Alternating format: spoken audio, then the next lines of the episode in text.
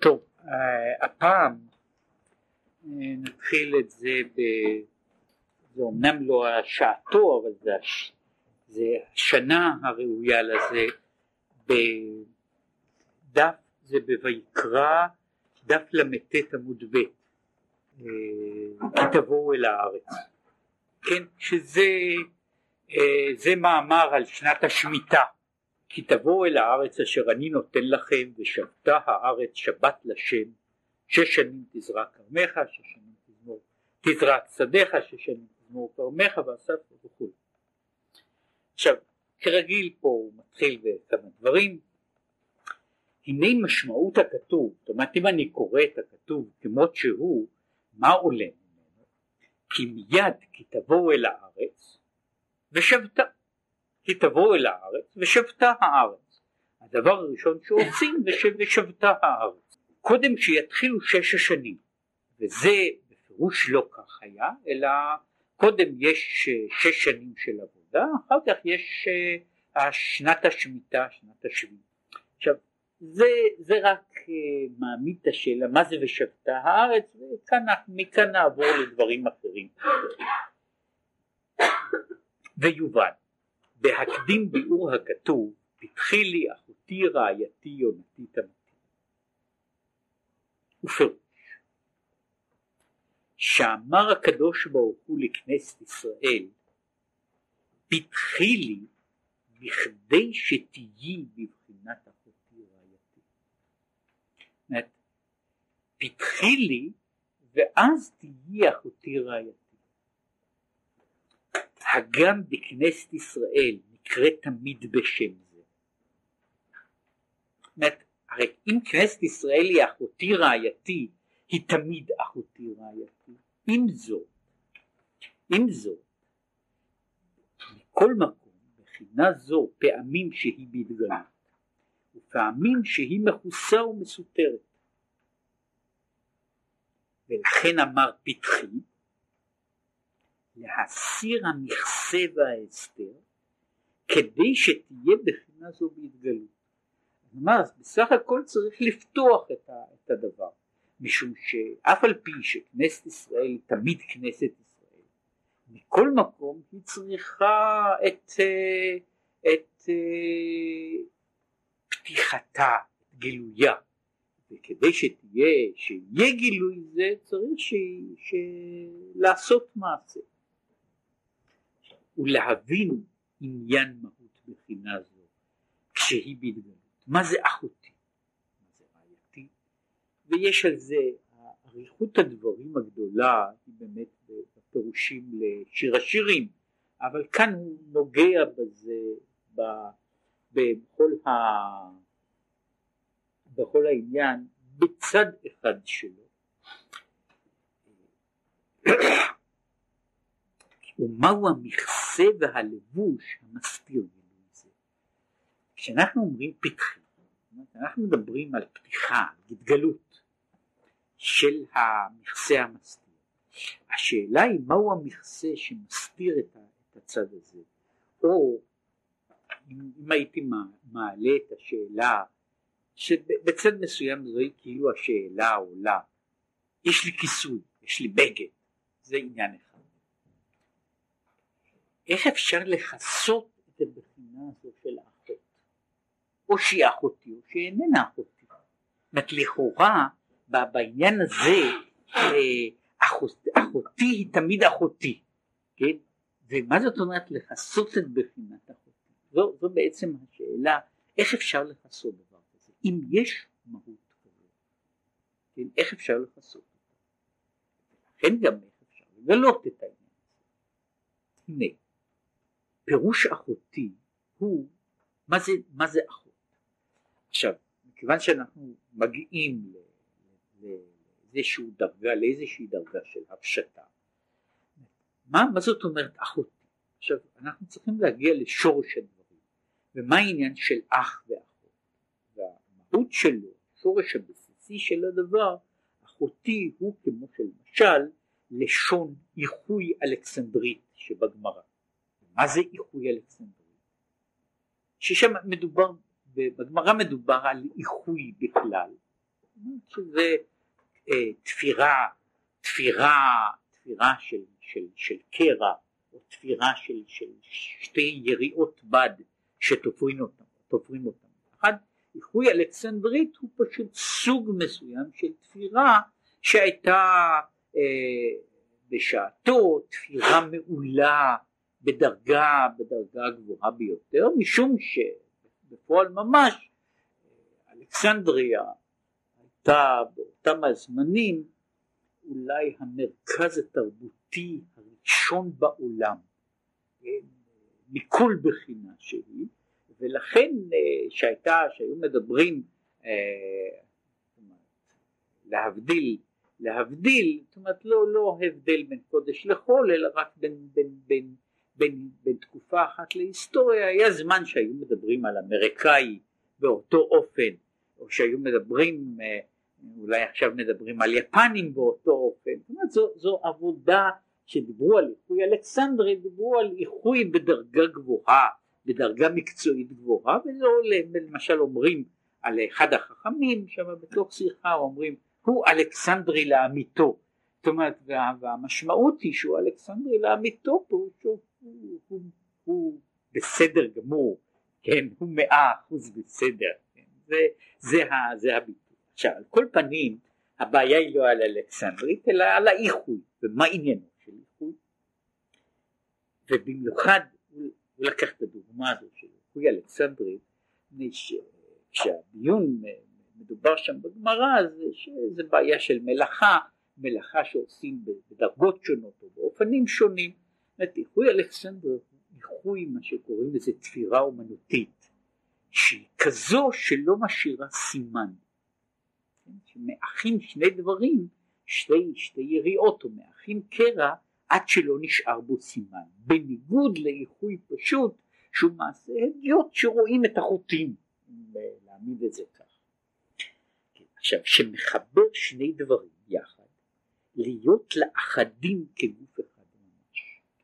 זאת אז פירוש הדבר וזה נכון מבחינת, מבחינה של הלשון ושאלה מהי המהות הראשונית או מהו השורש הראשוני כאן לא לענייננו אבל העניין הזה ש, ש, של, של אחווה ואיחוי הם בנויים על אותו דבר בעצמו על צמידות של שני דברים צמידות של שהם נצמדים והם נעשים לדבר אחד, שזהו העניין של, ה, של האיחוי וגם בבחינה זו העניין של ההרחבה. עכשיו הוא רוצה להיכנס לתוך העניין בבחינת, גם בבחינת של מעלה, גם בבחינת הנפש. וכך הוא על דרך משל, עניין האהבה הטבעית שבנפשות ישראל ממקור וצבן שהן חלק אלוקם ממעל ממש ומיוחדים בתכלית הייחוד באור אינסוף ממש. עכשיו חלק מזה הוא גם הדימוי שהוא הוא, הוא נמצא כבר במדרשים במדרשי שיר השירים שאחים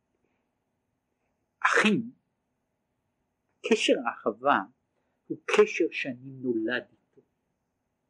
זה לא קשר שאני יוצר, אלא קשר שאני נולד איתו.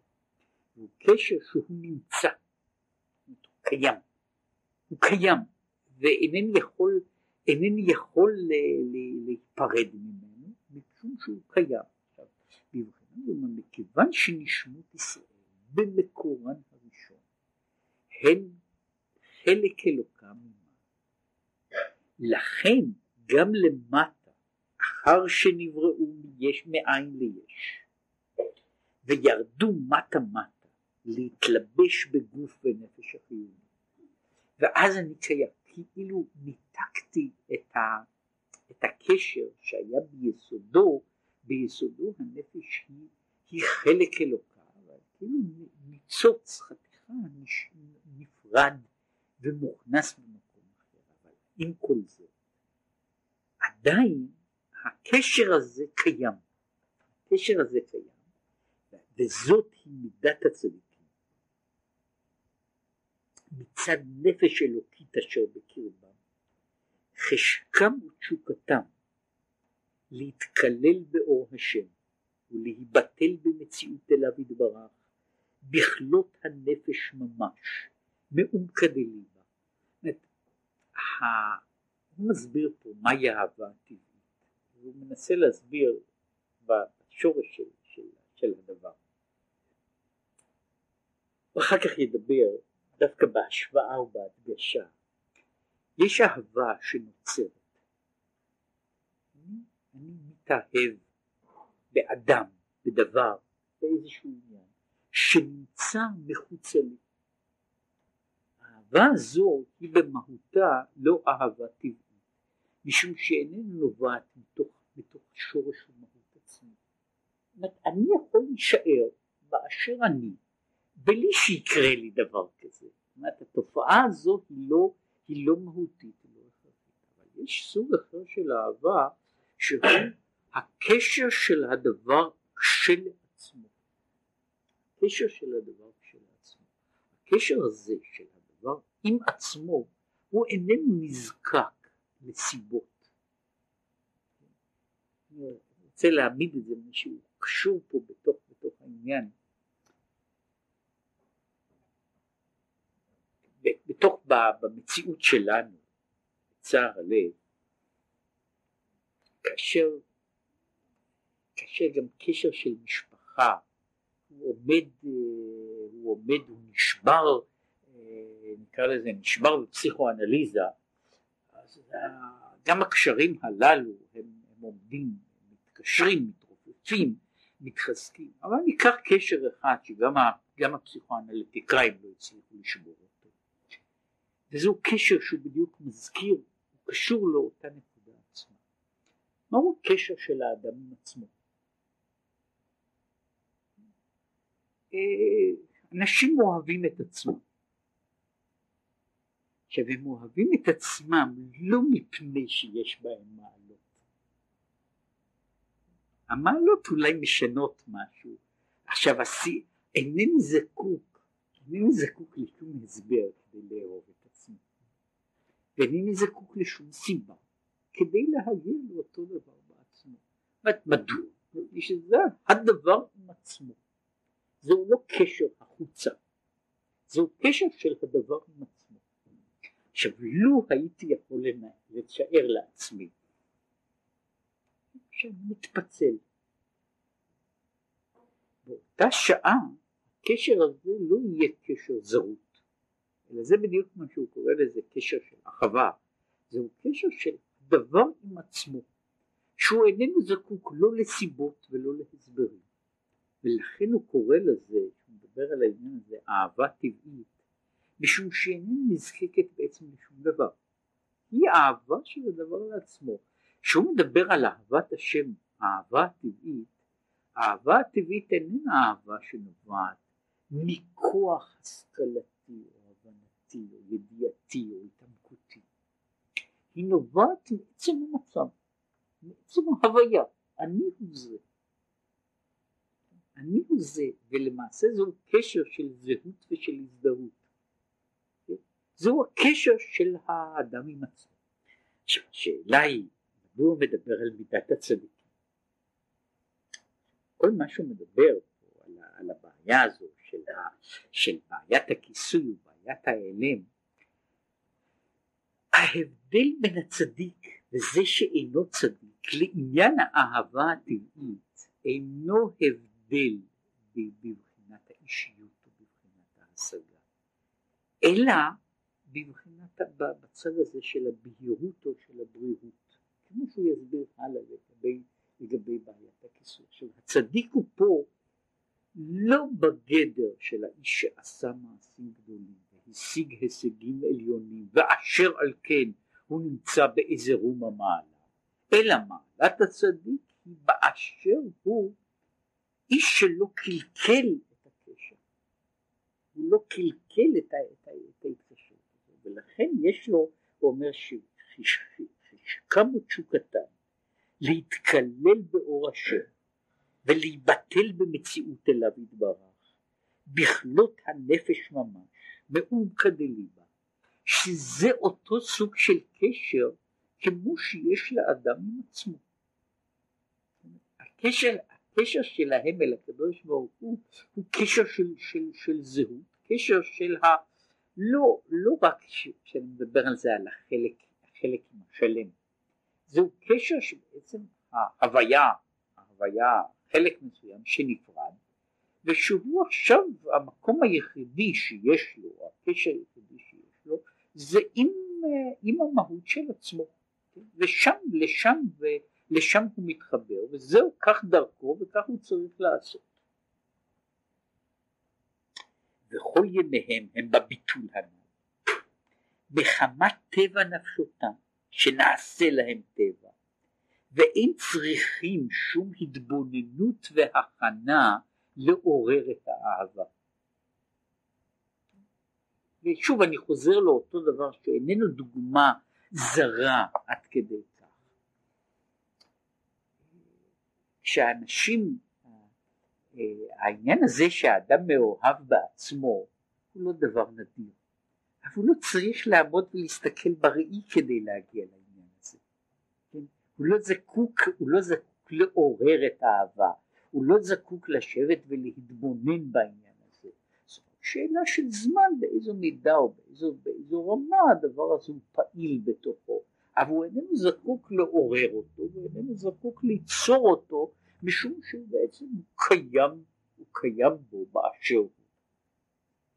עכשיו, כמו שכתוב, אם זכרתיך על יצואי, באשמורות תהגה. אם זכרתיך על יצואי, עניינו, הפירוש, וזה אגב הפירוש הפשוט הוא, יש דברים שאדם מגיע אליהם, שהוא עומד ומתפלל, או עומד ומתבונן, כשיש קשר כזה שהוא קשר טבעי הנובע מתוך מהות הנפש בעצמה האדם איננו זקוק לא לתפילה ולא להתבוננות הוא קיים תמיד ולכן מזכרתיך על יצואי סוג הזה אני מאיר מישהו מהשינה כן? אז זהו זה זה לא זה אני לא צריך אני לא צריך לחשוב על זה אני לא צריך לעורר את העניין אני לא צריך ולכן באשמורות תהגה בה זאת אני מאיר בן אדם באמצע הלילה, באמצע הלילה, ואם הוא שייך לדברים הללו, אז זה הדבר שעולה בדעתו באופן מאוד מאוד טבעי ובאופן מאוד מאוד פשוט, אני. זו, זו אותה, זו, זו הבחינה הזו של אם זכרתיך לצואי והשמורות תהגה בה, הוא לא זה שאני שוכב בלילה במיטה וחושב, חושב דווקא בעניין הזה, על יצואי, אני הולך לישון, אני uh, לתאר את הדבר הזה, כן? בן אדם, יש דברים שבן אדם מעלה על דעתו שהוא מוריד את הגרב השנייה, כן? שהוא איננו לא אותם הדברים שהוא עושה כשהוא יושב ומתבונן באיזה דברים, לא אותם הדברים שהם שייכים למהות עצמו, ואתה אותו דבר אני מתעורר מהשינה, כן? זה, זה קיים, זה קיים, זה ישנו, כן? ואיננו, זקוק, לכן הוא אומר שהוא איננו זקוק להתבוננות והכנה ועניין של עוררות, משום שזה אני בעצמי.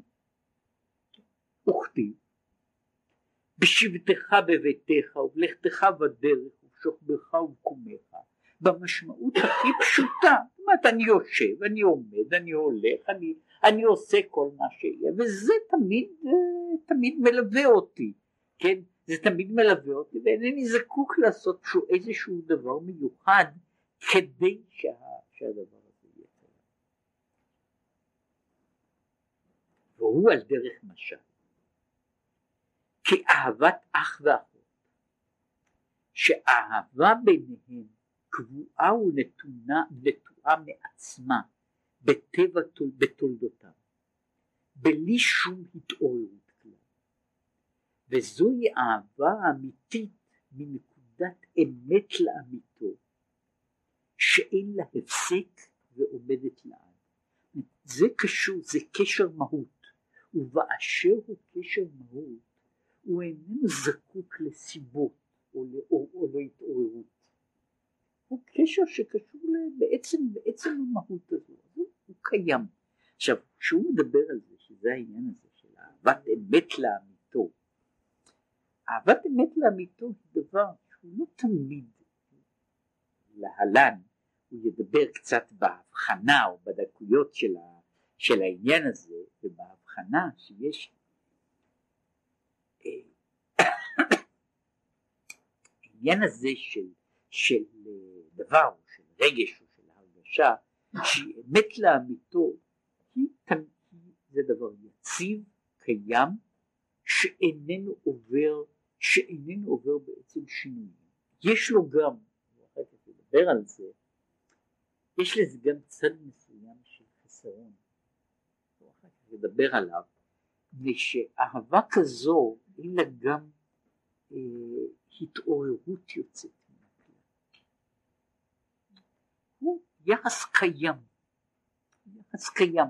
זאת היחס הזה הוא נמצא יציב, הוא אמת לאמיתו משום שהוא איננו נזקק כשאר הדברים, הוא איננו נזקק להיבנות על דבר, הוא איננו נזקק להיבנות על דבר, והוא עומד על עצמו כשלעצמו, ככה זה. מה שאין כן. עכשיו הוא מדבר על דבר כזה. מה שאין שאין אהבה זו קבועה ונטועה בלב האדם אם בשעה שמעוררת אהבה. כאשר יש דבר שבן אדם אין לו רגש קבוע כזה. כאן אני מדבר על הרגש הקבוע בשוכבך ובקומך, שזה אותו דבר. זאת אומרת, זכרתיך על יצורי והשמורות אהגה בה, ואני תמיד עמך. אחזת ביד ימיני. מה זה? זה, זה מלווה אותי בערך, יש ביטוי שיש לו כמה וכמה וכמה משמעויות ויש לו כמה וכמה פירושים אה, אבל אני, אני חושב שזה, שזה פשוטו לא מדרשו של העניין הזה משום, דווקא משום שיש לו הרבה מדרשים על העניין הזה של השם צילך על יד ימיני צריך לעשות שום דבר בשביל הצל. אני אינני צריך לעשות צל, ואני אינני צריך לבנות צל, זאת הוא נמצא, כן? הוא נמצא שם, כן? אני רוצה או אינני רוצה, אני מודע לו, לא תמיד אני אפילו מודע לו, אבל הוא נמצא שם, כן? הוא נמצא, וזו הבחינה של, שהוא קורא לזה, שהוא דבר שהוא קיים, שהוא יציב, שהוא קבוע, שהוא איננו שהוא איננו, וזו אחת ההגדרות שהוא מנסה להגדיר, אחת ההגדרות של האמת, שאותה הגדרה מדבר בה גם הרמב"ם בהתחלת, בהתחלת משנה תורה, הוא מגדיר את האמת כזהה לנצח. אמת היא הדבר שהוא נצחי, וכל דבר שאיננו נצחי הוא לא אמת. או על כל פנים, הוא, מה שהוא קורא לזה, הוא לא אמת אמיתית. אמת אמיתית היא דבר שהוא קיים, שהוא קיים בכל מקום, בכל מצב, בכל תנאי, בכל צורה. דבר שאיננו כזה, הוא אמת חלקית, ולכן הוא לא אמת גמורה. הבעיה היא כמובן שבכל תחום, בכל תחום בתוך המציאות, יש לנו אה, דרישות אמת שונות. יש לנו דרישות אמת שונות, ובדברים מסוימים דרישת האמת שלנו היא הרבה יותר קטנה מאשר בתחומים אחרים. כן? זה נכון, שוב, זה עובר, זה עובר לתוך, לתוך התחומים. למשל, מה שנקרא אה, אה, אה, הוכחה טובה במתמטיקה הוא דבר לגמרי אחר מאשר הוכחה טובה בפיזיקה. הוא עדיין דבר אחר לגמרי מאשר הוכחה טובה בבית המשפט. עכשיו, והסיבה היא, משום שלגבי הגדרה מתמטית אני דורש הגדרה שתהיה כמעט מושלמת. לגבי הגדרה של בפיזיקה אין לי הגדרות, אין לי הוכחות מושלמות. אבל אני אומר שבתחום העיסוק שלי ההגדרה הזו היא נכונה. במשפט אני עוסק, אני דורש כהוכחת אמת, כהגדרת אמת, הוכחות הרבה יותר נמוכות, וכיוצא בזה לגבי, לגבי שאר הדברים שבעולם, שזה לא שאלה רק של מידת הדיוק, אלא מידת האמת שיש בדבר הזה, שהיא נכונה לגבי אה, רמת, רמת ההוכחה או רמת האמת שאני מחפש אותה. בסך הכל, ולכן בסופו של דבר הרמב"ם הוא מתחיל, הוא מתחיל בזה את ספרו, כן? מתחיל בזה ממש מתחיל את משנה תורה בעניין הזה, הוא מגיע למסקנה שבעצם אה, הדבר שהוא אמת אמיתית מכל הבחינות זה רק הקדוש ברוך הוא, כן? הוא אומר ועל זה אנחנו אומרים והשם אלוקים אמת ואין שום אמת כיוצא בו מעצם ההגדרה משום שכל שאר הדברים הם רק בהשוואה הם רק אמיתות אה, חלקיות ופגומות זוהי האמת שהיא, שהיא אמת, אה, אמת מושלמת והיא האמת האחת. כאמור אנחנו כשאנחנו מדברים בכלל על הגדרת אמת אנחנו מדברים על דבר שהוא, שהוא קיים לעולם.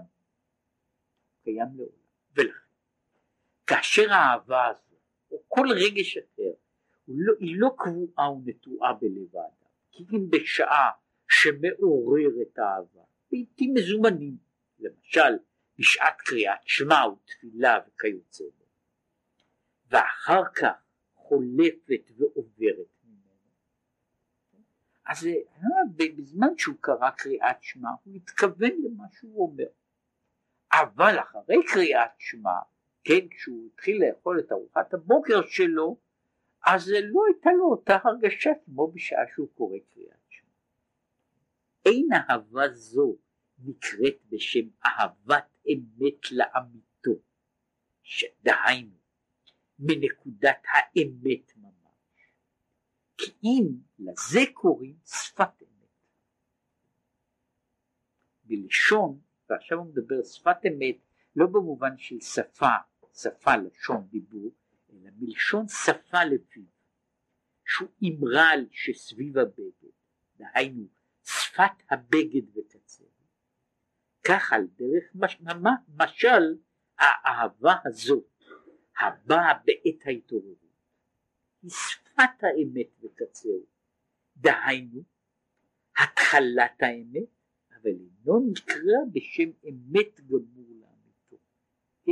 אז הוא אומר זה נקרא רק שפת אמת, קצה של אמת, אמת גמורה, אמת לאמיתו, היא אמת שאין לה, שאין לה, אין לה, אין לה סיום, כן? ולכן לזה קוראים שפת אמת. וכן על דרך משל, ולכן אמרו בזוהר, שפת אמת תיקון לעד. כוננת לעד לא כתיב. לא נאמר שפת אמת כוננת לעד, אלא שפת אמת תיקון לעד.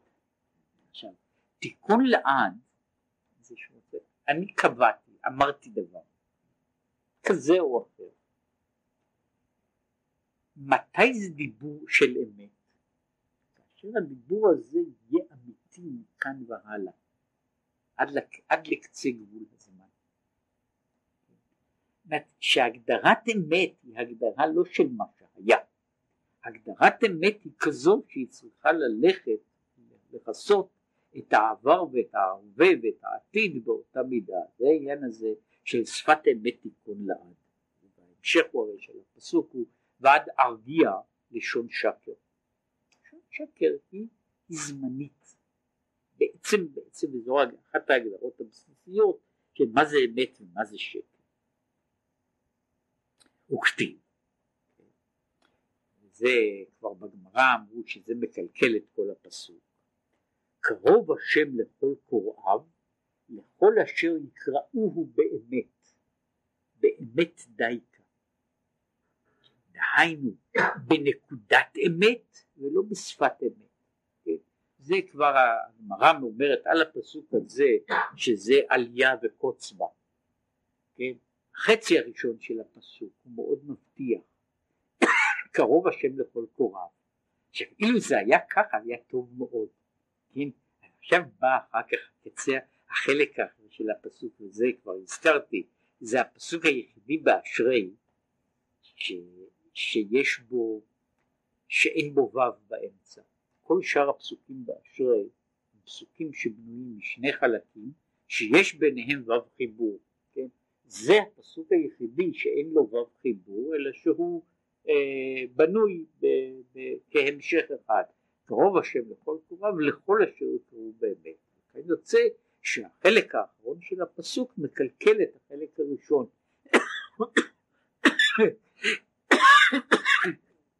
אמנם קרוב השם לכל קוריו, למי? לכל אשר יקראו באמת. ואחרי שהוא מוסיף את זה, אומר באמת ולא בשפת אמת. מה זה צריך להיות באמת. אז השם קרוב לכל אלה שיכולים לקרוא, שקוראים אותו באמת, לא בשפת אמת. מדוע? כי מאחר שצריך הוא תמיד לעורר את האהבה, הרי לא נעשית עדיין טבע עצמותו ומהותו ממש מנקודת הלב ממש. ולכן היא נקראת שפת אמת. זאת לא אמת ממש, משום שהיא, אם אני צריך בכל פעם לחזור, לחזור ולעורר אותה, פירושו של דבר שזה לא נעשה עדיין אמת. מתי דבר הופך להיות אמת? כאשר הוא נשאר קבוע ואיננו נזקק לדבר. יש אותו, אותו דבר, את התרגיל הזה, את התרגיל הזה עושים כולל עם ילדים קטנים בשלבים שונים. ואחד השלבים הוא שאני מלמד אותו שאחת ועוד אחת הם שתיים. ואחרי שאני עובר את השלב הזה מספר מספיק של פעמים, ואחרי שאני מגיע לכמות מספיקה של שכנוע, אז אין צורך עוד פעם לחזור ולהסביר לי שאחת ועוד אחת הם שתיים. אז זה עכשיו, זה, זה פשוט לי. ואם ישאלו אותי, אם אני אקח את הדוגמה הזו, אם מישהו יעיר אותי בלילה, הוא קורא לזה על יצואי, ובשמורות, וישאל אותי כמה זה אחת ועוד אחת, אני לא אצטרך להוציא את המחשב כדי לה, להגיע לסיכום כמה זה אחת ועוד אחת, אלא אני מיד אענה. מדוע? מפני שהדבר הזה נעשה, הוא עכשיו נעשה נטוע, נעשה חלק מתוך, מתוך בתוך המבנה. השאלה היא, שהוא אומר זה, שזה, שזה, זה בעיה של, של, של ידיעה, יש ידיעות כאלה. עכשיו יש דברים שהם, שאדם יכול לשחזר אותם, גם בבחינה של, בבחינה אינטלקטואלית, גם בבחינה אמוציונלית. הוא יכול לשחזר חוויה מסוימת, הוא יכול לעורר אותה מחדש, הוא יכול לעורר אותה מחדש, הוא יכול להגיע שוב לאותן המסקנות. אבל הדבר הזה איננו חלק מן האני שלו, ואשר על כן הוא אה, ניתן בכל, בכל רגע, הוא, אה, הוא לא לגמרי יציב, הוא עדיין לא לגמרי אמת. פה הוא מוסיף, זה קצת בשביל, זה לחזק את הלב, ומכל מקום נקראת בשם שפת אמת. השאלה היא בעצם, אחרי שהוא הסביר מה זו אמת, אחרי שהוא הסביר בצד אחר שכל דבר שאיננו יציב, יציב וקיים ונכון וכולי וכולי, איננו אמת לאמיתה. עכשיו מדוע קוראים לזה שפת אמת? ומה ההבדל בין שפת אמת ולשון שקר? אם הדבר הזה איננו יציב, מדוע הוא לא, הוא לא שקר? שזו אגב הבעיה, אני קורא לזה בעיית עבודת השם, היא למעשה הבעיה. הבעיה הזו היא הבעיה שבן אדם חוזר וחושב, חושב אם הוא מאלה שחושבים, יש גם כאלה שהקדוש ברוך הוא פוטר אותם מהצורך הזה, כן? אבל אם הוא מאלה שחושבים שלא נפטרו מהעניין הזה, אז לפעמים זה יוצא ככה. נכון, היום, אתמול, אה, בשעת התפילה, או, ב, או בנעילה של יום הכיפורים, הייתה לי חוויה. השאלה הייתה מהי הטיבה של החוויה כמה היא הייתה אמיתית. השאלות אם היא באמת הייתה חוויה אמיתית מה קרה לה יום אחרי זה? או מה קרה לה שעה אחרי זה? ואז היא מעוררת את השאלה אולי כל זה לא היה אלא מה שקראו בספרים דמיונות. זאת אומרת האם, אני אה, למעשה איך אנחנו עושים את הבדיקה הפרקטית הפשוטה, כן, כיצד אני בודק אה, אה, כשאני קם, אה, אה, כשבן אדם, זה קורה לאנשים בדיוק, בדיוק על יצואי ובשמורות, בן אדם קם וחלם על משהו. אחד הדברים שהוא מנסה לעשות זה לראות אם זה עדיין קיים. זאת אומרת, אם חלמתי, אם פתאום באמצע הלילה אה, אה, יש לי, יש לי נאמר ככה, אה, ניקח, ניקח דוגמה לא מזעזעת, כן? אה, יש כוס מים ליד המיטה שלי, יכול להיות שחלמתי על זה, כן? ואחד המבחנים בשביל לדעת אם זה היה אמת או היה חלום, זה שאני בודק אם באמת הכוס הזו נשארה. כן, ואם הכוס הזו לא נשארה מן הסתם זה היה חלום, אם הכוס הזו עדיין עומדת במקום הזה כנראה זו הייתה כוס אמיתית ולא הייתה חלום. עכשיו השאלה היא פה בעצם, זאת הייתה חוויה. יפה. עכשיו החוויה הזו, עכשיו איננה קיימת. אולי זה היה רק חלום של חוויה. זה לא היה דבר של, של אמת, אלא היה דבר שהיה של שקר. זו, זו, זוהי בעיה זוהי בעיה חמורה משום שאדם יכול, קורא לכל מיני אנשים, אדם יכול לחיות חוויות של שקר. יכול להיות, יש, יש סוג כזה של, של, של, של אה, חלומות בשינה ובהקיץ ובדרכים אחרות שבהן ההוויה, כולל חוויה, היא חוויה של שקר, זאת אומרת היא כולה היא כולה בעצם רק דמיון ואין לה, לא הייתה לה ממשות.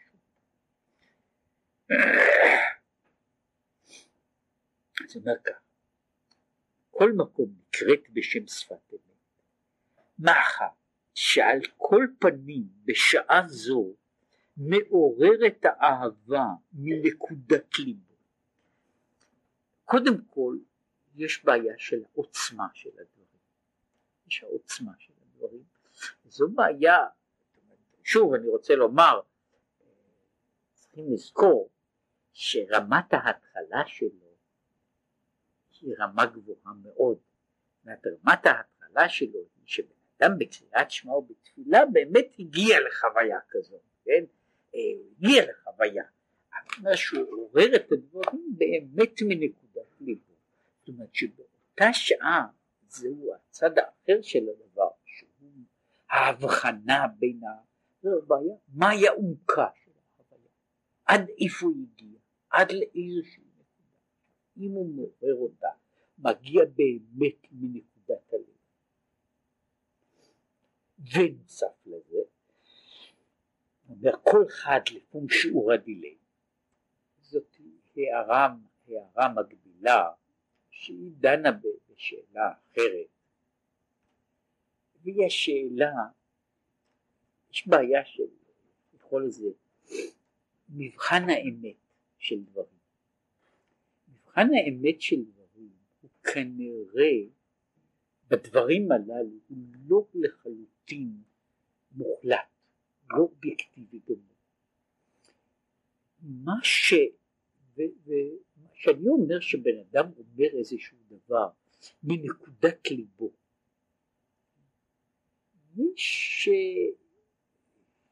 שליבו של אדם בנוי על עומק, שכבה אחר שכבה? השאלה עד איזה עומק אני מגיע? עד איזה עומק אני מגיע. עכשיו, יש אנשים שאינם מגיעים לדרגה כזו של, של עומקים, משום שהם הם גם לא, לא, לא הגיעו לאותו דבר. קורה בתוך המציאות האנושית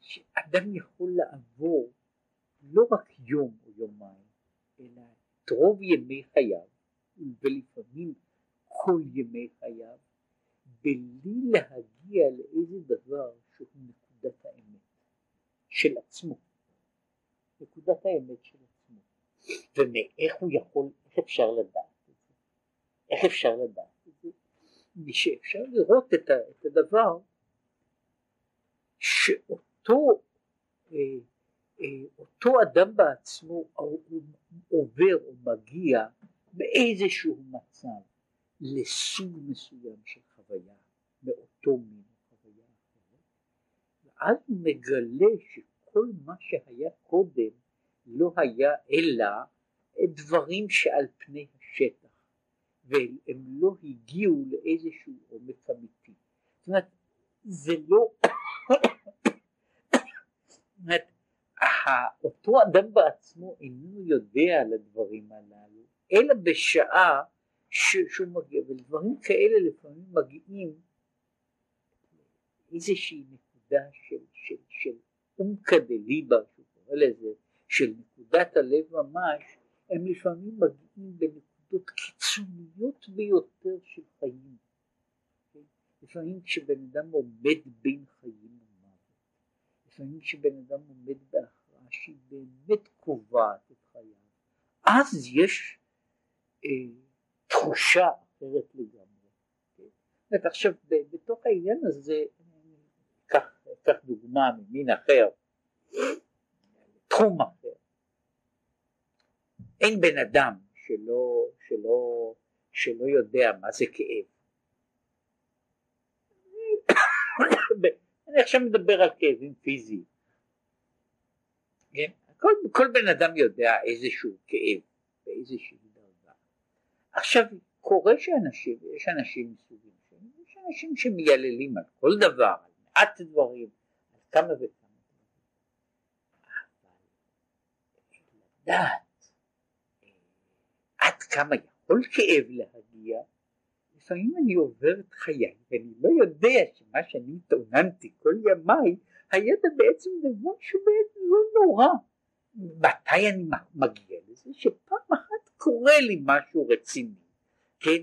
ואז אני יודע מה זה כאב, אז אני יודע שמה שהיה קודם ושבכיתי והתאוננתי עליו ורצתי לרופאים עליו, כל זה זה לא היה אלא דבר שולי לגמרי. עכשיו אני מבין מה זה נקרא לכאוב. עכשיו זה נכון באותו דבר, שיש הרבה מאוד אנשים שהם, עכשיו זה לא מה שרציתי לומר, שבן אדם אומר שיש לו כאב בלתי נסבל, זה לא אומר שהוא משקר, אלא הוא מגיע, זה מה שהוא רוצה לומר פה, יש מה שהוא קורא לזה לפום שיעור הדיליי, לפי המדרגה והמצב אני הגעתי לקצה, זה לא אומר שזה באמת הקצה האחרון, שזה קצה אובייקטיבי אחרון, אלא שמבחינתי אני הגעתי לקצה, לי אין חוויה יותר עמוקה, או לא הייתה לי. לכשאגיע לדבר עמוק יותר, אז אני יכול להגיע אל עצמי ולומר זה עדיין לא היה רציני כמה שהיה קודם לכן. זה, זה קורה, אה, אני דיברתי על זה מפני שזה דבר שעל כל פנים הוא אוניברסלי. אה, דברים כאלה וכיוצאת באלה קורים לאנשים גם באהבה. אותו דבר, בן אדם, בן אדם מרגיש רגש, הוא מרגיש שהוא רגש, רגש מאוד עמוק ומאוד סוער ומאוד חם, שבסופו של דבר אה, הוא נכון לפי ההגדרה של המצב הקיים. ובתוך מצב אחר, בתוך מציאות אחרת, התברר לו שכל הרגשות הללו לא הגיעו עדיין עד לנקודת הלב.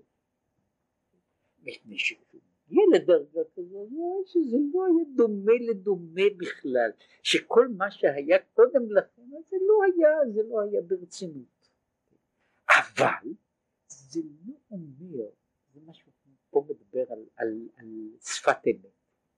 שפת אמת כאשר בן אדם מרגיש דברים בחוויה העמוקה ביותר לפי שיעור ומעמד נפשו כעת. ואשר על כן, ואשר על כן, יש, יש דרגה, דרגה מעל לדרגה בזה, והיא אה, לפעמים אני מגלה אותה ואם בן אדם גדל מבחינה זו הוא תמיד מרגיש שמה שהיה קודם אם הוא גדל הוא מרגיש שמה שהיה קודם לא היה מספיק. שכל מה שהיה אה, רבי נחמן מברסלב היה אומר כן, שבן אדם צריך להיות לחיות ככה שמה שהיה שמה שהיה קודם השמיים מעל ראשי מה שהיה אתמול השמיים מעל ראשי יהיה היום הקרקע שמתחת רגליים. עכשיו זה לא פשוט. זה לא פשוט לעשות דבר כזה. כן אה, ולפעמים בן אדם פעם קורא לבן אדם שהוא מתגעגע שהלוואי יהיו לו השמיים שהיו לו לפני כמה שנים, כן? מפני שבינתיים השמיים ירדו הרבה הרבה יותר נמוך, כן? זו, זו, זו חוויה ממין אחר, אלא שאני אומר שהבעיה, שאדם מגיע לאיזשהו, לא למיצוי אבסולוטי, כן? לפי שיעור הדיליי זו הייתה חוויית אמת, כן? זו הייתה חוויית יכול להיות שלכשאגדל, עבור משהו אחר, אז אני אבין שזה עדיין לא הגיע למיצוי, למה שנקרא לזה לנקודת הלב, אלא שזו דרך, זו דרך ארוכה, אבל בשעה הזו, בשעה הזו, זו כמה אמת שאני כמה אמת שאני יכול להגיע אליה, זו עכשיו אמת. כן? עכשיו, ואחרת אולי יהיה משהו, זו צד אחד. שהוא מה שקוראים לזה זו אינטנסיביות של, של ההוויה הזו, שהוא קורא לזה של, של, אפילו של שפת אמת. הצד האחר, וגם אחר התפילה נשאר רשימו שבזוכרו את השם מתעורר רוח נדיבה בקרבו מאליו לאהבת השם.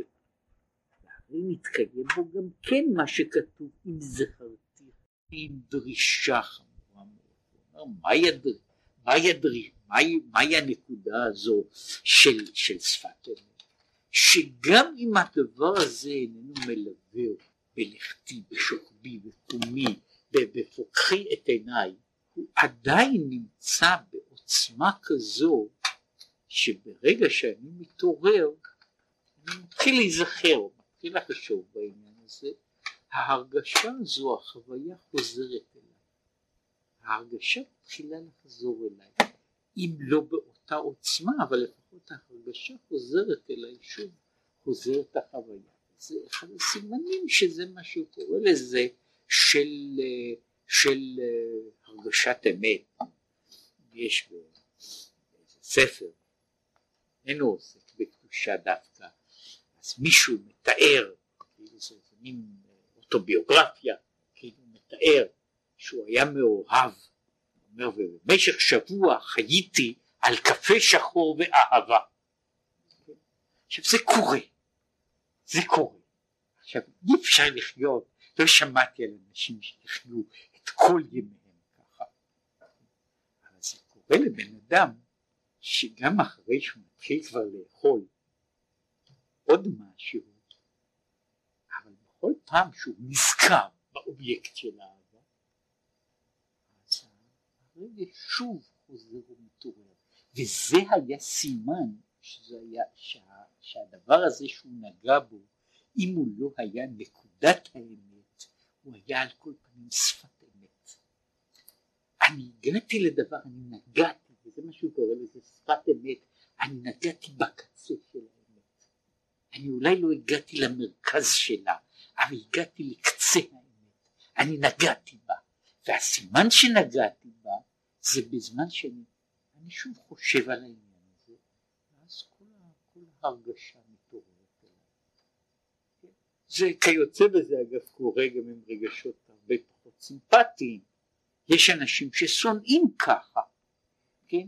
שזו אותה בעיה, זאת אומרת אני לא תמיד, לפעמים קורה שאני יכול להירגע, אני יכול להירגע, אבל אני שוב אראה את הפרצוף הזה ואז אני שוב כל זה כל החוויות הישנות חוזרות ונאורות חוזרות ונאורות מחדש כן? כל מה ש... יכול להיות שאני לא מודע לזה באמת כשבן אדם יש לו יש לו משהו קורא לזה חוויה שהגיע עד לנקודת האמת היא בעצם מלווה אותו כל הזמן. היא מלווה אותו כל הזמן. יש דברים ש... שהם אני נגעתי בדבר שהוא היה אמיתי. ואם נגעתי בדבר שהוא היה אמיתי פירושו של דבר שהוא תמיד צריך ליצור הוא יכול להיות מסוגל ליצור את הדבר כשהוא כשאני כאילו יוצא לרגע מתוך, מתוך התחום הזה של, של החשיבה. ואז זה אומר שהדבר הזה היה, היה אמיתי. אלא וכאן אנחנו כבר מגיעים קצת לבעיה הזו יש הסתר. יש הסתר, משום שה... ה, ה, יש, דברים אחרים שמעסיקים אותי, יש מחשבות אחרות שמעסיקות אותי, ולכן החוויה היא לא נמצאת הזמן באותה מידה של התגלות, באותה, באותה מידה של עוררות. סיפרתי את הסיפור הזה, סיפרו את זה פעם, חסיד אחד, שהיה סוחר גדול, היה גם נקרא אחד החסידים הגדולים? היו גם דברים כאלה, זה לא היה מחייב שמישהו שיהיה חסיד גדול יהיה דווקא אביון שהולך עם מכנסיים קרועים, היו גם אנשים מכנסיים שלמים, והוא ישב בביתו, הוא ישב בביתו, הוא ישב בלילה, מאוחר בלילה, ו, ומישהו הציץ בחלון, היו זמנים שהיו נוהגים לעשות את זה, זה אולי לא יפה, אבל היו, היו מציצים בחלון. וראו שהוא יושב והוא מסכם את אה, סיכום את עסקות היום. כן, הוא יושב ורושם רושם מספרים, רושם מספרים, ובסוף הוא מותח קו, ואז הוא, אה, הוא נעצר, כן? נעצר לזה, הוא מציץ לראות, הוא רואה שהוא שוקע במחשבה, כן? ודבר ככה, הוא רשם, עשה קו מלמטה, ורושם סך הכל, ואז משהו עלה בדעתו, ואז הוא רושם מתחת למספרים אין עוד מלבדו. עכשיו מה זה אומר? זה אומר ככה היהודי הזה יכול להיות באמת הוא היה עסוק במסחר הוא מכר וקנה וסיכם וסיכם מספרים עכשיו הייתה איזה נקודה של עוררות שהייתה הנקודה הזו שהוא היה צריך לכתוב סך הכל זאת אני צריך עכשיו סיכום כללי וברגע שבן אדם כאילו אני נוגע בו באיזה נקודה זו אז מה הוא הסך הכל אז לא, זה סך הכל הוא לא כך וכך רובלי וכך וכך. הסך הכל זה אין עוד מלבדו. זה מה שהוא אומר פה על העניין הזה של, של, של, של, אפילו בשפת אמת, שבן אדם נגע בדבר שברגע שאני נוגע באותו עניין מחדש, אני שוב נזכר. שוב חוזר אותי אותה חוויה ואני שוב מגיע אליה לפעמים באותה עוצמה כן למרות שאני לא אני לא חושב על זה כל היום כולו לא חושב על זה כל היום, אבל עדיין נמצא אצלי. כן. עכשיו יש פה מראיין בספר של בינונים ששם הוא מדבר על הבעיה הזו של אמת ושפת אמת, כן, במקום אחר על העניין הזה של תיתן אמת ליעקב. שמה זה, מה זה הבעיה של תיתן אמת ליעקב? כאן מתברר שאמת היא דבר ש, שהוא לפי מה שרואים פה אז יש אמת ויש אמת לפנים מאמת ועוד לפנים ממנה עד השם אלוקים אמת, כן? שמבחינה זו, מבחינה זו רק השם אלוקים אמת הוא, כמו שאומר הרמב"ם, שהוא האמת הלאמיתו, הוא האמת היחידה, וכל שאר הדברים רק אמיתות יחסיות. ואין במקום אחר בעניין שמונה פעמים אמת שיש באמת ויציב. בתוך הנוסח של אמת ויציב יש שמונה פעמים מוזכרת המילה אמת. אגב, זה נכון לגבי נוסח ספרד, לא נכון לגבי נוסח אשכנז, כן מישהו פעם, מישהו מתפלל בנוסח אשכנז, אז הוא לא ימצא שם, היה לי ידיד שלמדתי איתו את זה לפני שלושים אה, שנה או משהו כזה, והוא אחר כך היה מאוד, היה מאוד נרגש אבל הוא הלך לספור גם כמה פעמים. ואז התברר שבסידור שלו אין שמונה פעמים כן?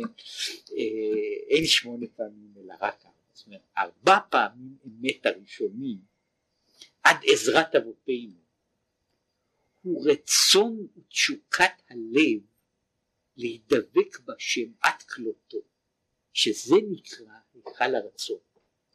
אחר כך עוד ארבע פעמים אמת, היינו אמת האמיתי שמסייעהו מלמעלה להתעמת הארבע אמת שלמטה להיות אמת אמיתי במסירות נפש עד כלותה. אז הוא אומר יש ארבע פעמים אמת שאני מנסה להגיע לאמת ואחר כך אני מקבל כנגדו את מתנת האמת. אז הוא אומר יש אמת, יש מישהו קורא לזה אני, ארבע, ארבע עולמות של עלייה שאני עולה לקראת האמת ויש ארבע עולמות שיורדים לקראתי לאמת את האמת. שהאמת הזאת תהיה באמת באמת אמת.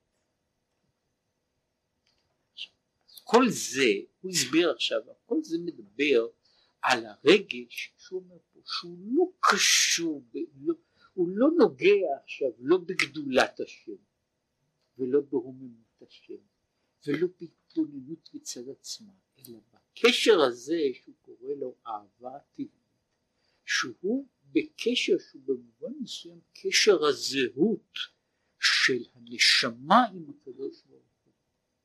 שקשר הזהות הזה איננו צריך הסבר הוא איננו צריך הסבר ואיננו צריך סיבות הוא איננו צריך ש... של... אם הוא גדול או קטן אלא זהו זה כן זה, זה, זה, זה אותו קשר הזה שא' הוא א' כן? זה דבר שווה הוא שווה לעצמו וזהו זה הסיבה שמונע את האהבה מלהיכנס לעומק נקודת הלב מכיוון שהוא אומר שהדבר הזה הוא אהבה הטבעית והוא מסביר מדוע היא אהבה הטבעית שהאהבה הזו איננה נובעת משום שהייתה לי סיבה לאהבה היא נובעת מכוח זה שאני בעצמי זה זה, זה אני כן? זה אני זה, זה, זה, זה מהותי כן? זו מהותי ואני עכשיו אז מדוע אינני חש אותה מדוע הוא מדבר פה הוא חילק פה על מדרגת הצדיקים מדרגת אנשים שאינם צדיקים. לא התחיל לדבר על אנשים אחרים שבסופו של דבר אנחנו אולי מכירים פה ושם אנשים שלא רק זה שאין להם התעוררות, התעוררות נקודת האמת בשעת קריאת שמע ותפילה, אלא הם גם לא שמעו עוד על קריאת שמע ותפילה. גם זה קורה בתוך העולם שלנו, כן? אבל הוא דיבר פה על, על העניין הזה, על אנשים שהם חיים בתוך, בתוך העולם. זה ועדיין הוא לא הגיע קורא לזה לנקודת הסיבה שמונע את זה. כי הנה אהבה זו מלובשת ומוסתרת בכוח המתאווה לדברים גשמיים שנובעים מנפש החיונית.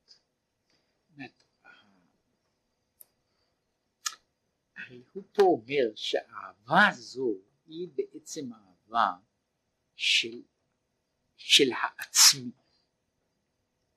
עכשיו אהבת העצמי יכולה להיות מסותרת בתוך דברים שהם כיסויים, כיסויים שאינם המהות הפנימית הבסיסית היסודית של האני, אלא הם מעטים שלה, שאני במובן מסוים זהו החיפוש של האדם שבו הוא נתקל בכל מיני דברים שהנפש החיונית מציעה אותם כתיאורים של, ה, של, של האני שלי. וכאן בתור התיאורים הללו, מה שהוא קורא לזה, כל, כל מבנה, מבנה הדברים שקיים בתוך המציאות, הוא יש אותם הדברים שהם מתקשרים אל האני שלי, והם נראים לי כחלק מהותי ממנו. ושהם נובעים, הוא קורא לזה משום שאנחנו נמצאים חיים בתוך גוף, משום שאנחנו חיים בתוך גוף ובתוך נפש שהיא ביסודו של דבר נפש הגוף. לכן תמונת העולם ולכן גם תמונת האני שלנו היא מופיעה עם כיסויים. ואני במובן הזה, וזה מה שהוא מדבר פה על, ה, על, ה, על העניין הזה, התיאור הזה של, של הכיסוי הוא כמו של דבר שיש, לו, שיש מסביב לו הרבה מאוד קליפות. הרבה מאוד קליפות. והקליפה הזו, משום שהיא מכסה, אני אינני, אינני יודע אינני יודע, לפעמים אני טועה לגמרי לגבי, לגבי הבנתו של, לגבי הבנתו של הדבר בעצמו. משום שאני מזהה, אני מזהה לא את התוך אלא את הקליפה בתור דבר. עכשיו יכול להיות שאני, שאני כל הזמן מתייחס לדברים לא, של, לא, לא במהותם אלא בקליפתם. והקליפה הזו נוצרת משום שאני חי בתוך, בתוך קליפת המציאות, כן? בתוך קליפת המציאות, כן? אם מישהו, אם מישהו נתקל בתוך, בתוך, בתוך העניין הזה, אז זה, זה, זה, זה נכון אם אני נתקל באגוז, כן? אז אגוז בנוי על זה שיש לו קליפה אחת, לפעמים נושרת ולפעמים איננה נושרת, ומתחת מתחת לקליפה הזו יש קליפה אחרת, ומתחת לקליפה הזו יש, מתחת לקליפה הזו יש תור. עכשיו כדי להגיע אל התוך הזה, יש פה, לפעמים אני, אני מזהה את כל הדבר עם, ה, עם הקליפה החיצונית, עם הקליפה החיצונית, ואינני יודע בכלל שיש דברים מעבר לה, משום שהחיים שלי בונים לי את קליפות החיים שאני מתאר אותם בצורה כזאת. מסביר ששורשה, כאן שורשה הוא בחינת גסות הרוח. משחא דחיביא, אור הנחש, החופף ומסתיר על כוח ובחינת אהבה זו. השאלה הזו, מה זאת אומרת גסות הרוח? מה זאת אומרת גסות הרוח? עכשיו גסות הרוח יש לזה אה, כך וכך כך וכך דרגות לעניין של גסות הרוח. הוא פה, הוא פה נוגע לא לגסות הרוח אה, במשמעות ש, ש, שמדברים בה. גסות הרוח, רמות הלב, דבר אחר, הוא הבניין שהאדם בונה את האני שלו כהוויה, כהוויה שהיא כביכול הוויה העומדת בפני עצמה. עכשיו זה מה, מה, מה שעושים בגסות הרוח זה המבנה שלם של סטרוקטורות על, של מבני על, שנבנים על, על שורש ההוויה והם, כל המבני העל הללו הם מסתירים את הדבר. והבעיה איפה נמצא אני? איפה נמצא אני? היא אז נעשית רק, אני רק זז לרגע לנקודה אחת לגבי הגדרות אחרות של בעיה הזו להסביר בסוף הרוח באופן לגמרי אחר ושוב לא במשמעות שאנשים אנשים אה, מתעסקים בה. בהרבה מאוד בחינות יש השאלה עד איפה האני שלי איפה הוא מגדיר את עצמו? עכשיו בשביל רבים האני שלהם בוודאי מגיע גם לבגדים. אני עכשיו לא מדבר על זה אם בן אדם מתקשט או לא מתקשט, אבל זה חלק מהאני שלו. מתי, מתי אני מרגיש כאילו פלישה? מתי אני מרגיש פלישה? עכשיו יותר הרכב, זה אפשר לראות בזה עניין של אישיות. כמעט לכל אדם יש לו איזשהו מרחב מסביב שהוא מרגיש שהוא מרחב האני שלו. וברגע שמישהו מתקרב הוא נכנס אל תוך מרחב האני שלו. זה, זה קשור זה, זה מה שמדבר על, על דברים כמעט על אנתרופולוגיה זה, זה גם תלוי תרבות. זה תלוי תרבות. מה זה מרחב האני למשל בחברה מזרחית מרחב, מרחב המרחקים של, שלה הוא הרבה יותר קטן כן? ולכן אפשר למצוא אנשים שהם לא במיוחד קרובים זה לזה ש, שעומדים או משוחחים או נמצאים כמעט במגע גוף עכשיו יש אנשים שמרחב האני שלהם שמישהו מגיע מעבר למרחק מרחק מסוים מרחק נאמר אז בן אדם מרגיש איזה סוג של הרגשה של פלישה או שעל כל פנים הרגשה של חדירה כן? עכשיו יש אנשים אפשר לראות את זה יפה לפעמים אני נכנס לאיזה חדר אדם רואה שאני נכנסתי לחדרו סובל. מדוע? אני דרכתי על האני שלו כן?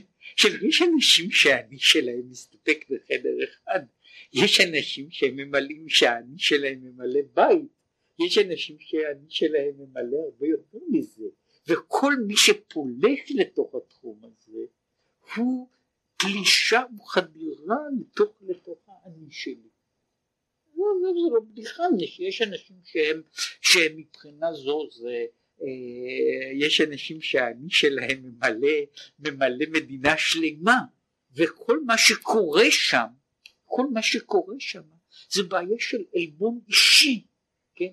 אם מישהו לא שם לב אליי, כן? זה עלבון אישי מפני שאני נמצא פה?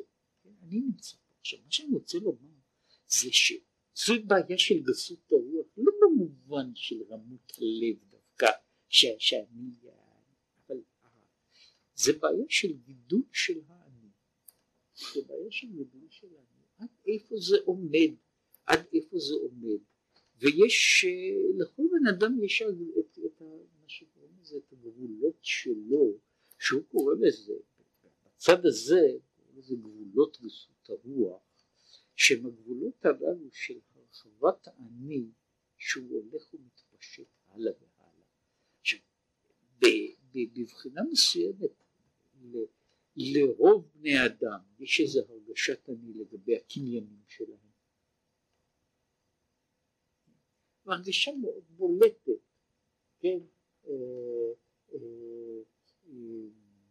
יש על זה תיאורים ברמות שונות, איך, איך אני מרגיש כשמישהו קורא את החולצה שלי לעומת זה שקורא החולצה של מישהו אחר. ויש אנשים שמרגישים את, כמעט את הקרע הזה בתוכם, מישהו עכשיו נוגע, נוגע וקורע בי. הבגדים שלי, הרהיטים שלי, הקניינים שלי, הילדים שלי, וזה, זה, עכשיו הוא קורא כל זה, הוא קורא גסות הרוח, משום שזה עניין של התפשטות האני, האני הזה יוצר, מקבל לעצמו מרחב זה גדול יותר. זה בדיוק ההגדרה של גס הרוח, רוח גדולה, כן? זה זה שהרוח הולכת והולכת וגדלה ומתנפחת מעבר לשיעור שלה. עכשיו מכיוון שהאדם יש לו הגדרה כזו של אני, לכן מושאי האהבה שלו או התייחסויות האהבה שלו הם תמיד אל השוליים של, של הדבר הזה. הם לא מגיעים אל השורש משום שהוא לא, יש שם כל כך הרבה קליפות מסביב, שהוא לא יכול להגיע אל השורש של הדבר, הוא כל כך עטוף, זה מה, ש, מה שהביטוי הזה ברוחניות הוא ודאי נכון של שמנת אבית כסית. יש מעטה אחר מעטה, המעטים הללו מסתירים את האפשרות שלכן אדם, הרי בסופו של דבר כדי להגיע אל החוויה הזו, אל חוויית הזה אל האני במובן הזה של שורש ויסוד, אותה נקודה שמתייחסת אל הקדוש ברוך הוא. עכשיו אני לא מדבר פה על אהבת השם ויראתו, אלא הרגשת הזהות. בשביל זה אני צריך שלא להתייחס להרבה מאוד דברים שנמצאים, שנמצאים בצד. אם אני מתייחס עם, עם הכיסא שלי, השולחן שלי, החדר שלי, העבודה שלי, העניינים שלי, הם ממלאים את המרחב, אז אין זמן להתייחס לקשרים אחרים, אני לא יכול להתייחס אליהם. עכשיו, וזה מה שהוא קורא לזה, זה העניין של גסות הרוח, שהוא קורא לזה, זה אור הנחש, הנחש הקדמוני, שכאילו עוטף אותנו, הוא עוטף אותנו בדרגה כזו או אחרת. עכשיו הוא אומר, ויש בה, אני רוצה רוצה פה לעמוד, הוא אומר, ויש בה מדרגות שונות, כמה מיני לבושים, הקטן לפי קוטנו, והגדול לפי גודל מעלתו, צריך הוא להסיר אפילו בחינת לבוש דת מבחינת גסות הרוח. זאת אומרת, יש, יש בשביל, עכשיו השאלה היא שאני עומד על הדרישות. למעשה ככל שהאדם הוא גדול יותר במעלה, הדרישה של, של ניקיון, ניקיון ההתייחסות היא יותר חמורה, היא לא פחות. והבעיה היא שיש בזה דרגות שהן נעשות בכל פעם יותר ויותר דקות. כמו, יש העניין הזה מי הצעצועים שלי, מי הצעצועים שלי, שזה סוג אחד, עד לדברים כמו האידאות שלי, בניין מבנה האישיות שלי. עכשיו כל הדברים האלה הם מעטים שנעשים דקים יותר ויותר ויותר ויותר זהים. עכשיו ככל שהאדם הוא גדול יותר ולכן דרישת האמת ממנו נעשית חמורה יותר הוא נזקק להסיר עוד מעטה ועוד מעטה. שעל זה אמרו חז"ל שבזמן מי שיש בו גסות הרוח אומר הקדוש ברוך הוא אין אני והוא יכולים להיות בעולם. אנחנו לא יכולים להיות בעולם ביחד, זה מה שהוא דיבר על זה. כשאתה נמצא אני לא נמצא ולהפך. זאת שנינו יחד לא יכולים להיות במה שקוראים לזה בדו קיום. בדו קיום. וצריך לפתוח את המכסה. זה, לכן כשהוא דיבר פה על העניין הזה שיש כיסוי, את המכסה הזה צריך לפתוח. כי משל אדם שרוצה לפתוח נקב בכותל, בכותל המפסיד, שצריך לחתוך ולשבור הכותל עד, עד שיעשה מקום חלל ואז הוא נכנס לעניין הזה של סדר העבודה מה עושים כדי לצאת מן הדבר הזה איך בן אדם עושה ה, איך הוא מסיר מעצמו את הכיסויים ושהשאלה אני שוב רוצה לומר זה לא בהכרח שמי שיש לו נאמר אה, נכסים רבים יש לו גם עני גדול יותר. זה, אין, זה לא, לא, לא קשר הכרחי. הקשר, הקשר הזה תלוי ב, ב, במידת הצמידות שיש לבן אדם, במידה של, במידת הזהות שיש לאדם לכל מה שהוא נקרא לזה שלי. עכשיו בעמידה הזו של הצמידות יכולה להיות שמישהו יכול להיות אביון שבאביונים. מה שהוא מדבר זה, זה חשוב פה לגבי ההבנה גם של ההמשך, הוא לא אומר פה שהאיש הזה שזרק מעליו כך וכך דברים ששייכים לו, הוא נעשה בעל כורחו צדיק.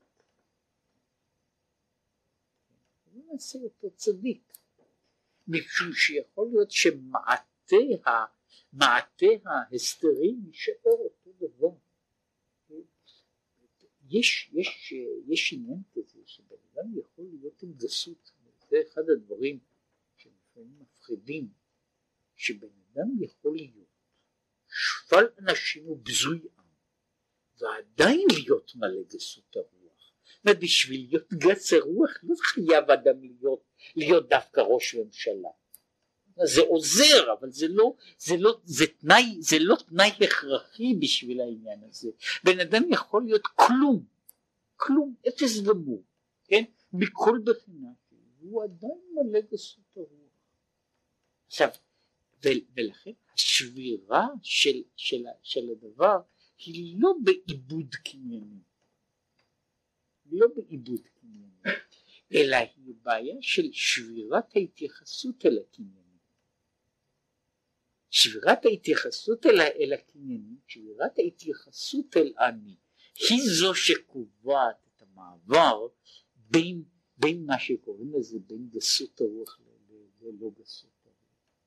ובעניין הזה זאת דרך ארוכה שצריך לאדם לשבור את החלל, וכמו שהוא אומר, זה, זה לא שייך לעניין הזה, לא פעם התהליך של שבירת ההתייחסויות הפנימיות הוא יותר קשה, יותר מסובך מאשר שבירה של ההתייחסויות החיצוניות.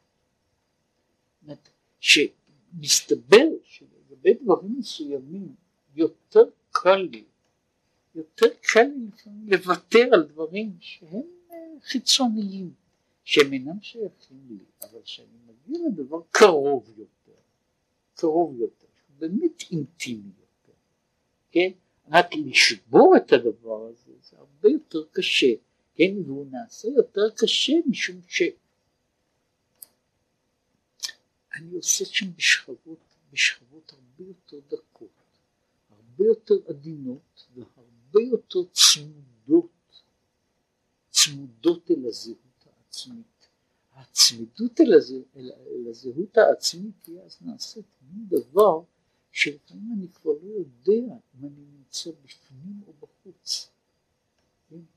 אני כבר הגעתי אל הדבר שאני עדיין נמצא באיזה, באיזה, באיזו שכבה, באיזו שכבה חיצונית. כאן מתחילה, מתחילה פרשה שבמקום אחר, לא במאמר הזה, במקום אחר הוא אומר שיש דברים שרק הקדוש ברוך הוא יכול לתקן אותם. שהם כל כך קשורים וזהים ש, שהאדם איננו יכול לתקן אותם משום שהם יכולים להיקשר, לא, אני לא מדבר רק על בעיה, בעיות שבקדושה, בעיה של, ש, שאנחנו מדברים על העניין הזה, שזה קשור אגב אחד לשני, אחת מה, מהנקודות של נקודת האמת, מה, מהבעיות שיש היא בעיית הסטייה. בעיית הסטייה שנעשית סטייה או שגיאה שנעשית מחמת איזה נטייה. יש אינטרס כזה או אחר. עכשיו האינטרסים לפעמים הם מאוד מאוד גסים ואת אלה אפשר לנטרל הרבה יותר בקלות.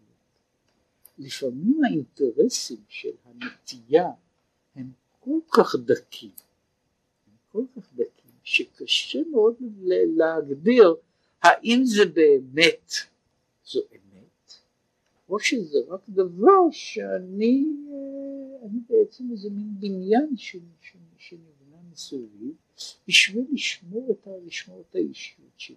זה עכשיו אומר שככל שאדם יכול, יכול לשבור את המעצור הזה יותר, אז אהבת השם הטבעית יוצאת מתוכו, רק בשביל לגמור, הוא מדבר בספר התניא ששם הוא מדבר על העניין הזה, הוא מדבר על, ה, על המקרים שבהם יש התפוצצות בתוך האדם. הוא מדבר על זה שאנשים שעמדו בפני ניסיון של, של מסירות נפש, לפעמים מתגלה בתוך בן אדם איזה מין מעיין, איזה מין מעיין אהבת השם שמעולם לא ידע שהוא קיים בתוכו. שבן אדם שלא היה כלום שבכלום, ופתאום הוא מגלה גם גבורה וגם שאר רוח וגם שאר דברים שבאים בתוך זה. אבל הנקודה היא פה ש, שיש, זה, זהו מצב כל כך קיצוני שבו בהכרח כל מיני שיקולים זרים הם נעלמים בבת אחת. הם נעלמים בבת אחת. זאת ויש כל מיני שיקולים, כל השיקולים הללו, התכנונים והתוכניות, והמעמד החברתי והמעמד האישי וכל מיני דברים שהאדם נכרך בהם בכל ימי חייו, הם לפתע נופלים. וכשהם נופלים, אז נשאר מין, הבריאה הזאת נשארת עכשיו עירומה לגמרי. ואז מתעורר הרגש הזה שהיה כל הזמן חבוי או היה כל הזמן מוכנס בתוך, בתוך הקליפה במשמעות הזו שלה, הוא היה מוכנס בתוך הקליפה. זאת אומרת, אני חשבתי שזה אני, אני חשבתי שזה אני, ועכשיו שכל זה, כל זה, כל זה יורד וכל זה מתפשט ממני, ואני נשאר, אני נשאר כשלעצמי, ואז אני מתחיל להגיד לנקודה הזו שבן אדם עובר אחד המעברים, הוא עובר את, הוא לא רק עובר בבחינת השגת עצמו את, ה, את העניין הזה, הוא לא רק עובר את הבגדים אלא גם עובר את הבשר.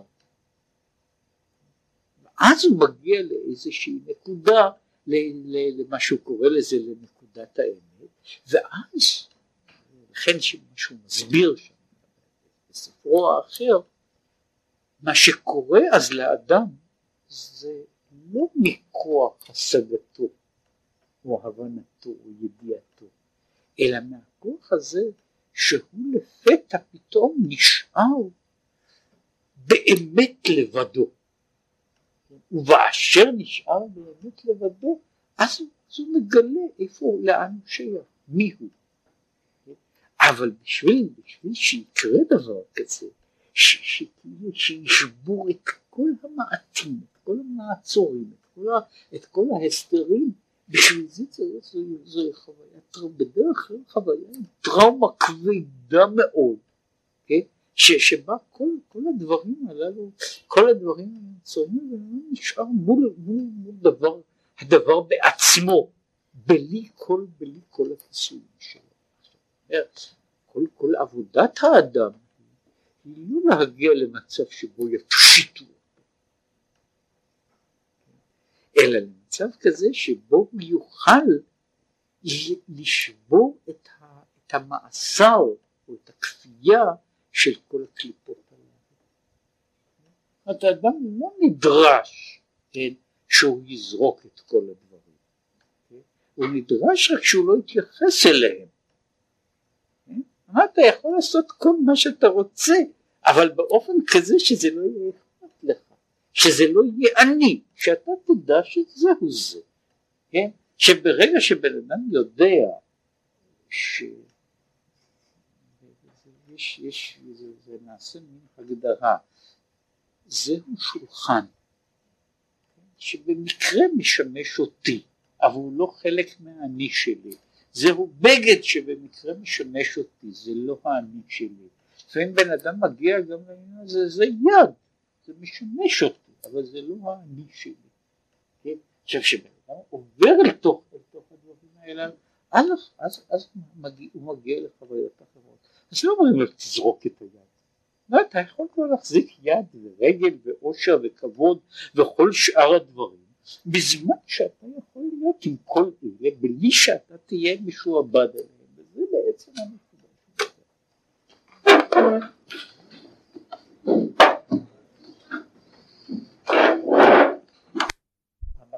מגיע להיות אור פנימי. וזהו על ידי והחוכמה תחייב. שהחיות היא שיומשך בגילוי להאיר בבחינת פנימיות. כמו שאומר שהדם הוא הנפש. זאת אומרת שזהו הגילוי של ההערה. הדם הוא הנפש בבחינה זו שזהו הדבר שנמצא בתוכי, שנע בתוכי. זהו צד אחד.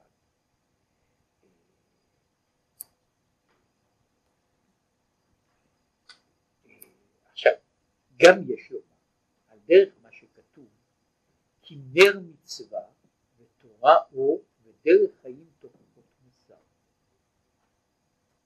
נמצא שדרך חיים היא למעלה מהמצווה עצמה ועל זה נאמר כל זה יובן, עכשיו הוא חוזר, הוא חוזר חלק מה, מההתחלה של, של, של המאמר. היה לנו פה התיאור של המנורה. ראיתי והנה מנורת זהב כולה, וגולה על ראשה, ככה.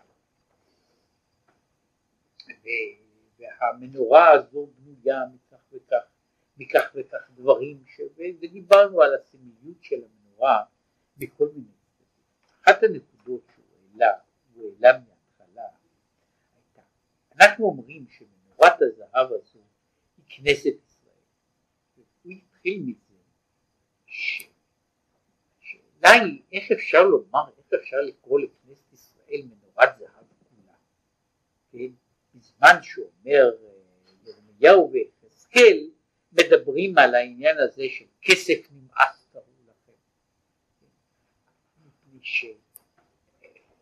נאמר, מסתכל על כנסת ישראל, נניח של היום, כן, ואני צריך לשאול האם זה באמת מנורת זהב כולה. כן? יכול להיות שיש קצת, שיש קצת זהב מסביב, אבל uh, לפי, ה, לפי העניין אם זה עשוי חרס זה גם כן לא רע, כן? עכשיו, איפה היא מנורת הזהב? איפה היא מנורת הזהב? כל זה יובן, מה שכתוב ברבות, מדרש רבה בפרשת נשוא, שזו הייתה ההתחלה שלנו, על פסוק, כולך יפה רעייתי. הוא אומר שם ככה, כפי שירמיה אומר, כסף נמאס קרא להם, בא זכריה ואמר מנורת זהב כולה. ירמיהו אומר שכסף נמאס, לא, מנורת זהב כולה. על זכריהו אחרי ירמיה. יש לפרש, על פי מה שמתבאר ברבות פרשת תרומה, שאומר ככה, וזאת התרומה, זהב, כסף, נחושת. זהב, שם הוא אומר דבר כזה, במדרש, זהב זו בבל, שנאמר אנטו רישא דדהבה. מפני שזה, זה קשור, זה מספר דניאל, בספר דניאל מתואר העניין הזה של הזהב וכולי, שם מתואר שבאחד החלומות רואה נבוכדנצר פסל, כן, שיש לו ראש של זהב, חזה, זרועות של כסף, וככה עד שהוא יורד, עד שיש לו רגליים של טיט, שזה נעשה בכמה שפות נעשה אפילו ביטוי ש, שרואים את רגלי הטיט, רגלי הטיט של, של מישהו, של משהו, כן, שאני מגיע לפעמים, אני, בהתחלה אני רואה את ראש הזהב שלו, כן, אחר כך אני רואה שיש לו רגליים של טיט, כן, עכשיו, שם הפתרון החלום של דניאל הוא שאתה ראש הזהב, אחר כך תבוא אחריך מלכות שתהיה כסף, אחר כך תהיה מלכות כמו נחושת, אחר כך תהיה כמו ברזל, ואחר כך תהיה יתית, כן? ואז ממשיך הלאה הסיפור. עכשיו, זה, זהו התיאור של, של המלכויות. זהו, לכאורה תמוה, ברישא דדהבה, אם אמנם אני קורא לנבוכדנצר או למלכות בבל, ראש הזהב, זהו כתר דקליפה. אם זו מדרגה גבוהה, אבל זו מדרגה גבוהה של, של קליפה, שהרי קאי על נבוכדנצר, שהחריב את בית המקדש, וכך, ובכל ההמשך. מה העניין לזהב שבתרומה? מה העניין לזהב שבתרומה ש, שהוא, שהוא מדובר כולו על קדושה. פה, פה יוצא ש, שהוא לוקח את הזהב, כסף ונחושת שמדובר בהם לעניינים של, של המשכן והמקדש והוא מעביר אותם לתחום שהוא לגמרי אחר, שונה, נבדל. אך כמו שכתוב ברבות, שאומר את זה שבירושלים לא קיימתם מצוות זיווה, חוץ לארץ קיימתם אותה.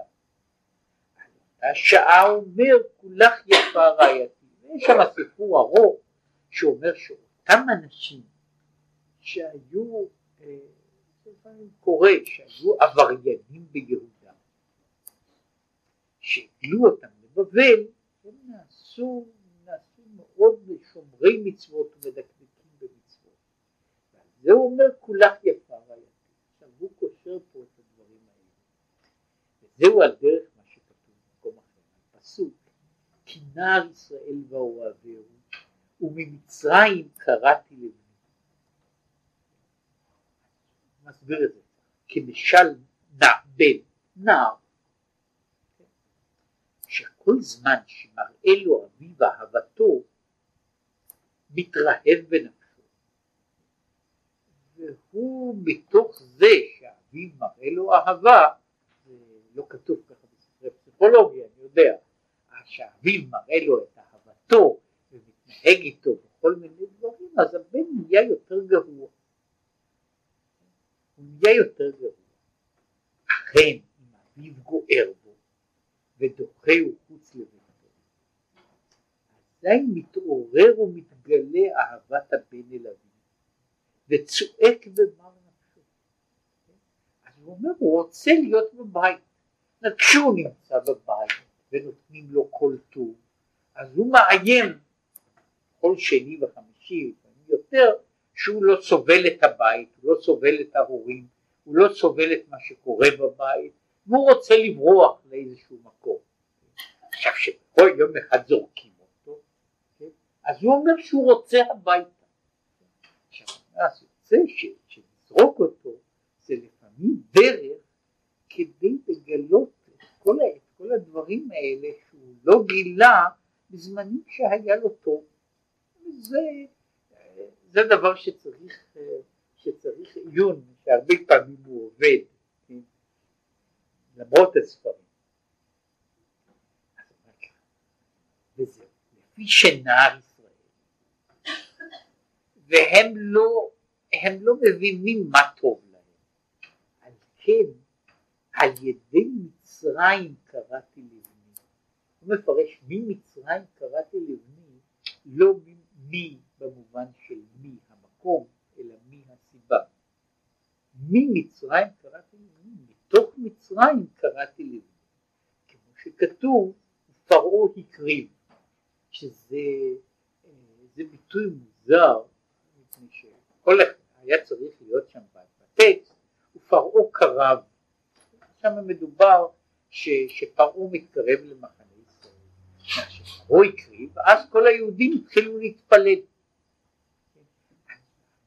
זה כבר מדרש קדום מאוד שאומר שפרעה הקריב את ליבם של ישראל לאביהם שבשמיים. שהוא בסוף פרעה גרם לזה שהם התחילו להתפלל. קודם הם היו מאוד מרוצים והם הולכים להם בשקט ואף אחד מהם לא חושב להתפלל. עכשיו כאשר פרעה מגיע אז פרעה גורם להם הוא אומר שזה בעצם העניין הזה של, של פרעה, זה שפרעה גורם לקרב את ישראל, שגורם לקרב את ישראל לאביהם שבשמיים. וזהו ממצרים קראתי לבני. שדווקא על ידי גלות בבל נעשה מנורת זהב. על ידי גלות בבל, על ידי זה נעשתה, זאת אומרת כאשר הם היו בארץ ישראל בירושלים, אז ירמיהו צדק, כסף נמאס קראו לכם. הביאו אותם לבבל, ושם היה להם קשה, ושם היה להם גלות, ושם היו להם צרות. על ידי זה הם חזרו והתקרבו, ואחרי זה אפשר היה כבר להגיד עליהם מנורת זהב כולה. לכן הוא אומר שהזהב, כסף, חושן וכך הלאה, כל אלה הם הדברים שהם מביאים תועלת, הם מביאים תועלת בתוך התמונה הזו שכל אחד מהם, כל אחת מהמלכות, מהמלכויות הללו יוצרת פונקציה מסוימת באותו דבר, כן? וכמו שכתוב יש אה, פרק נהדר בתהילים שמופיע בו צמאה לך נפשי, קמה לך בשרי וכך הלאה. אבל כתוב שם בתוך העניין בארץ צייה ועייף בלי מים.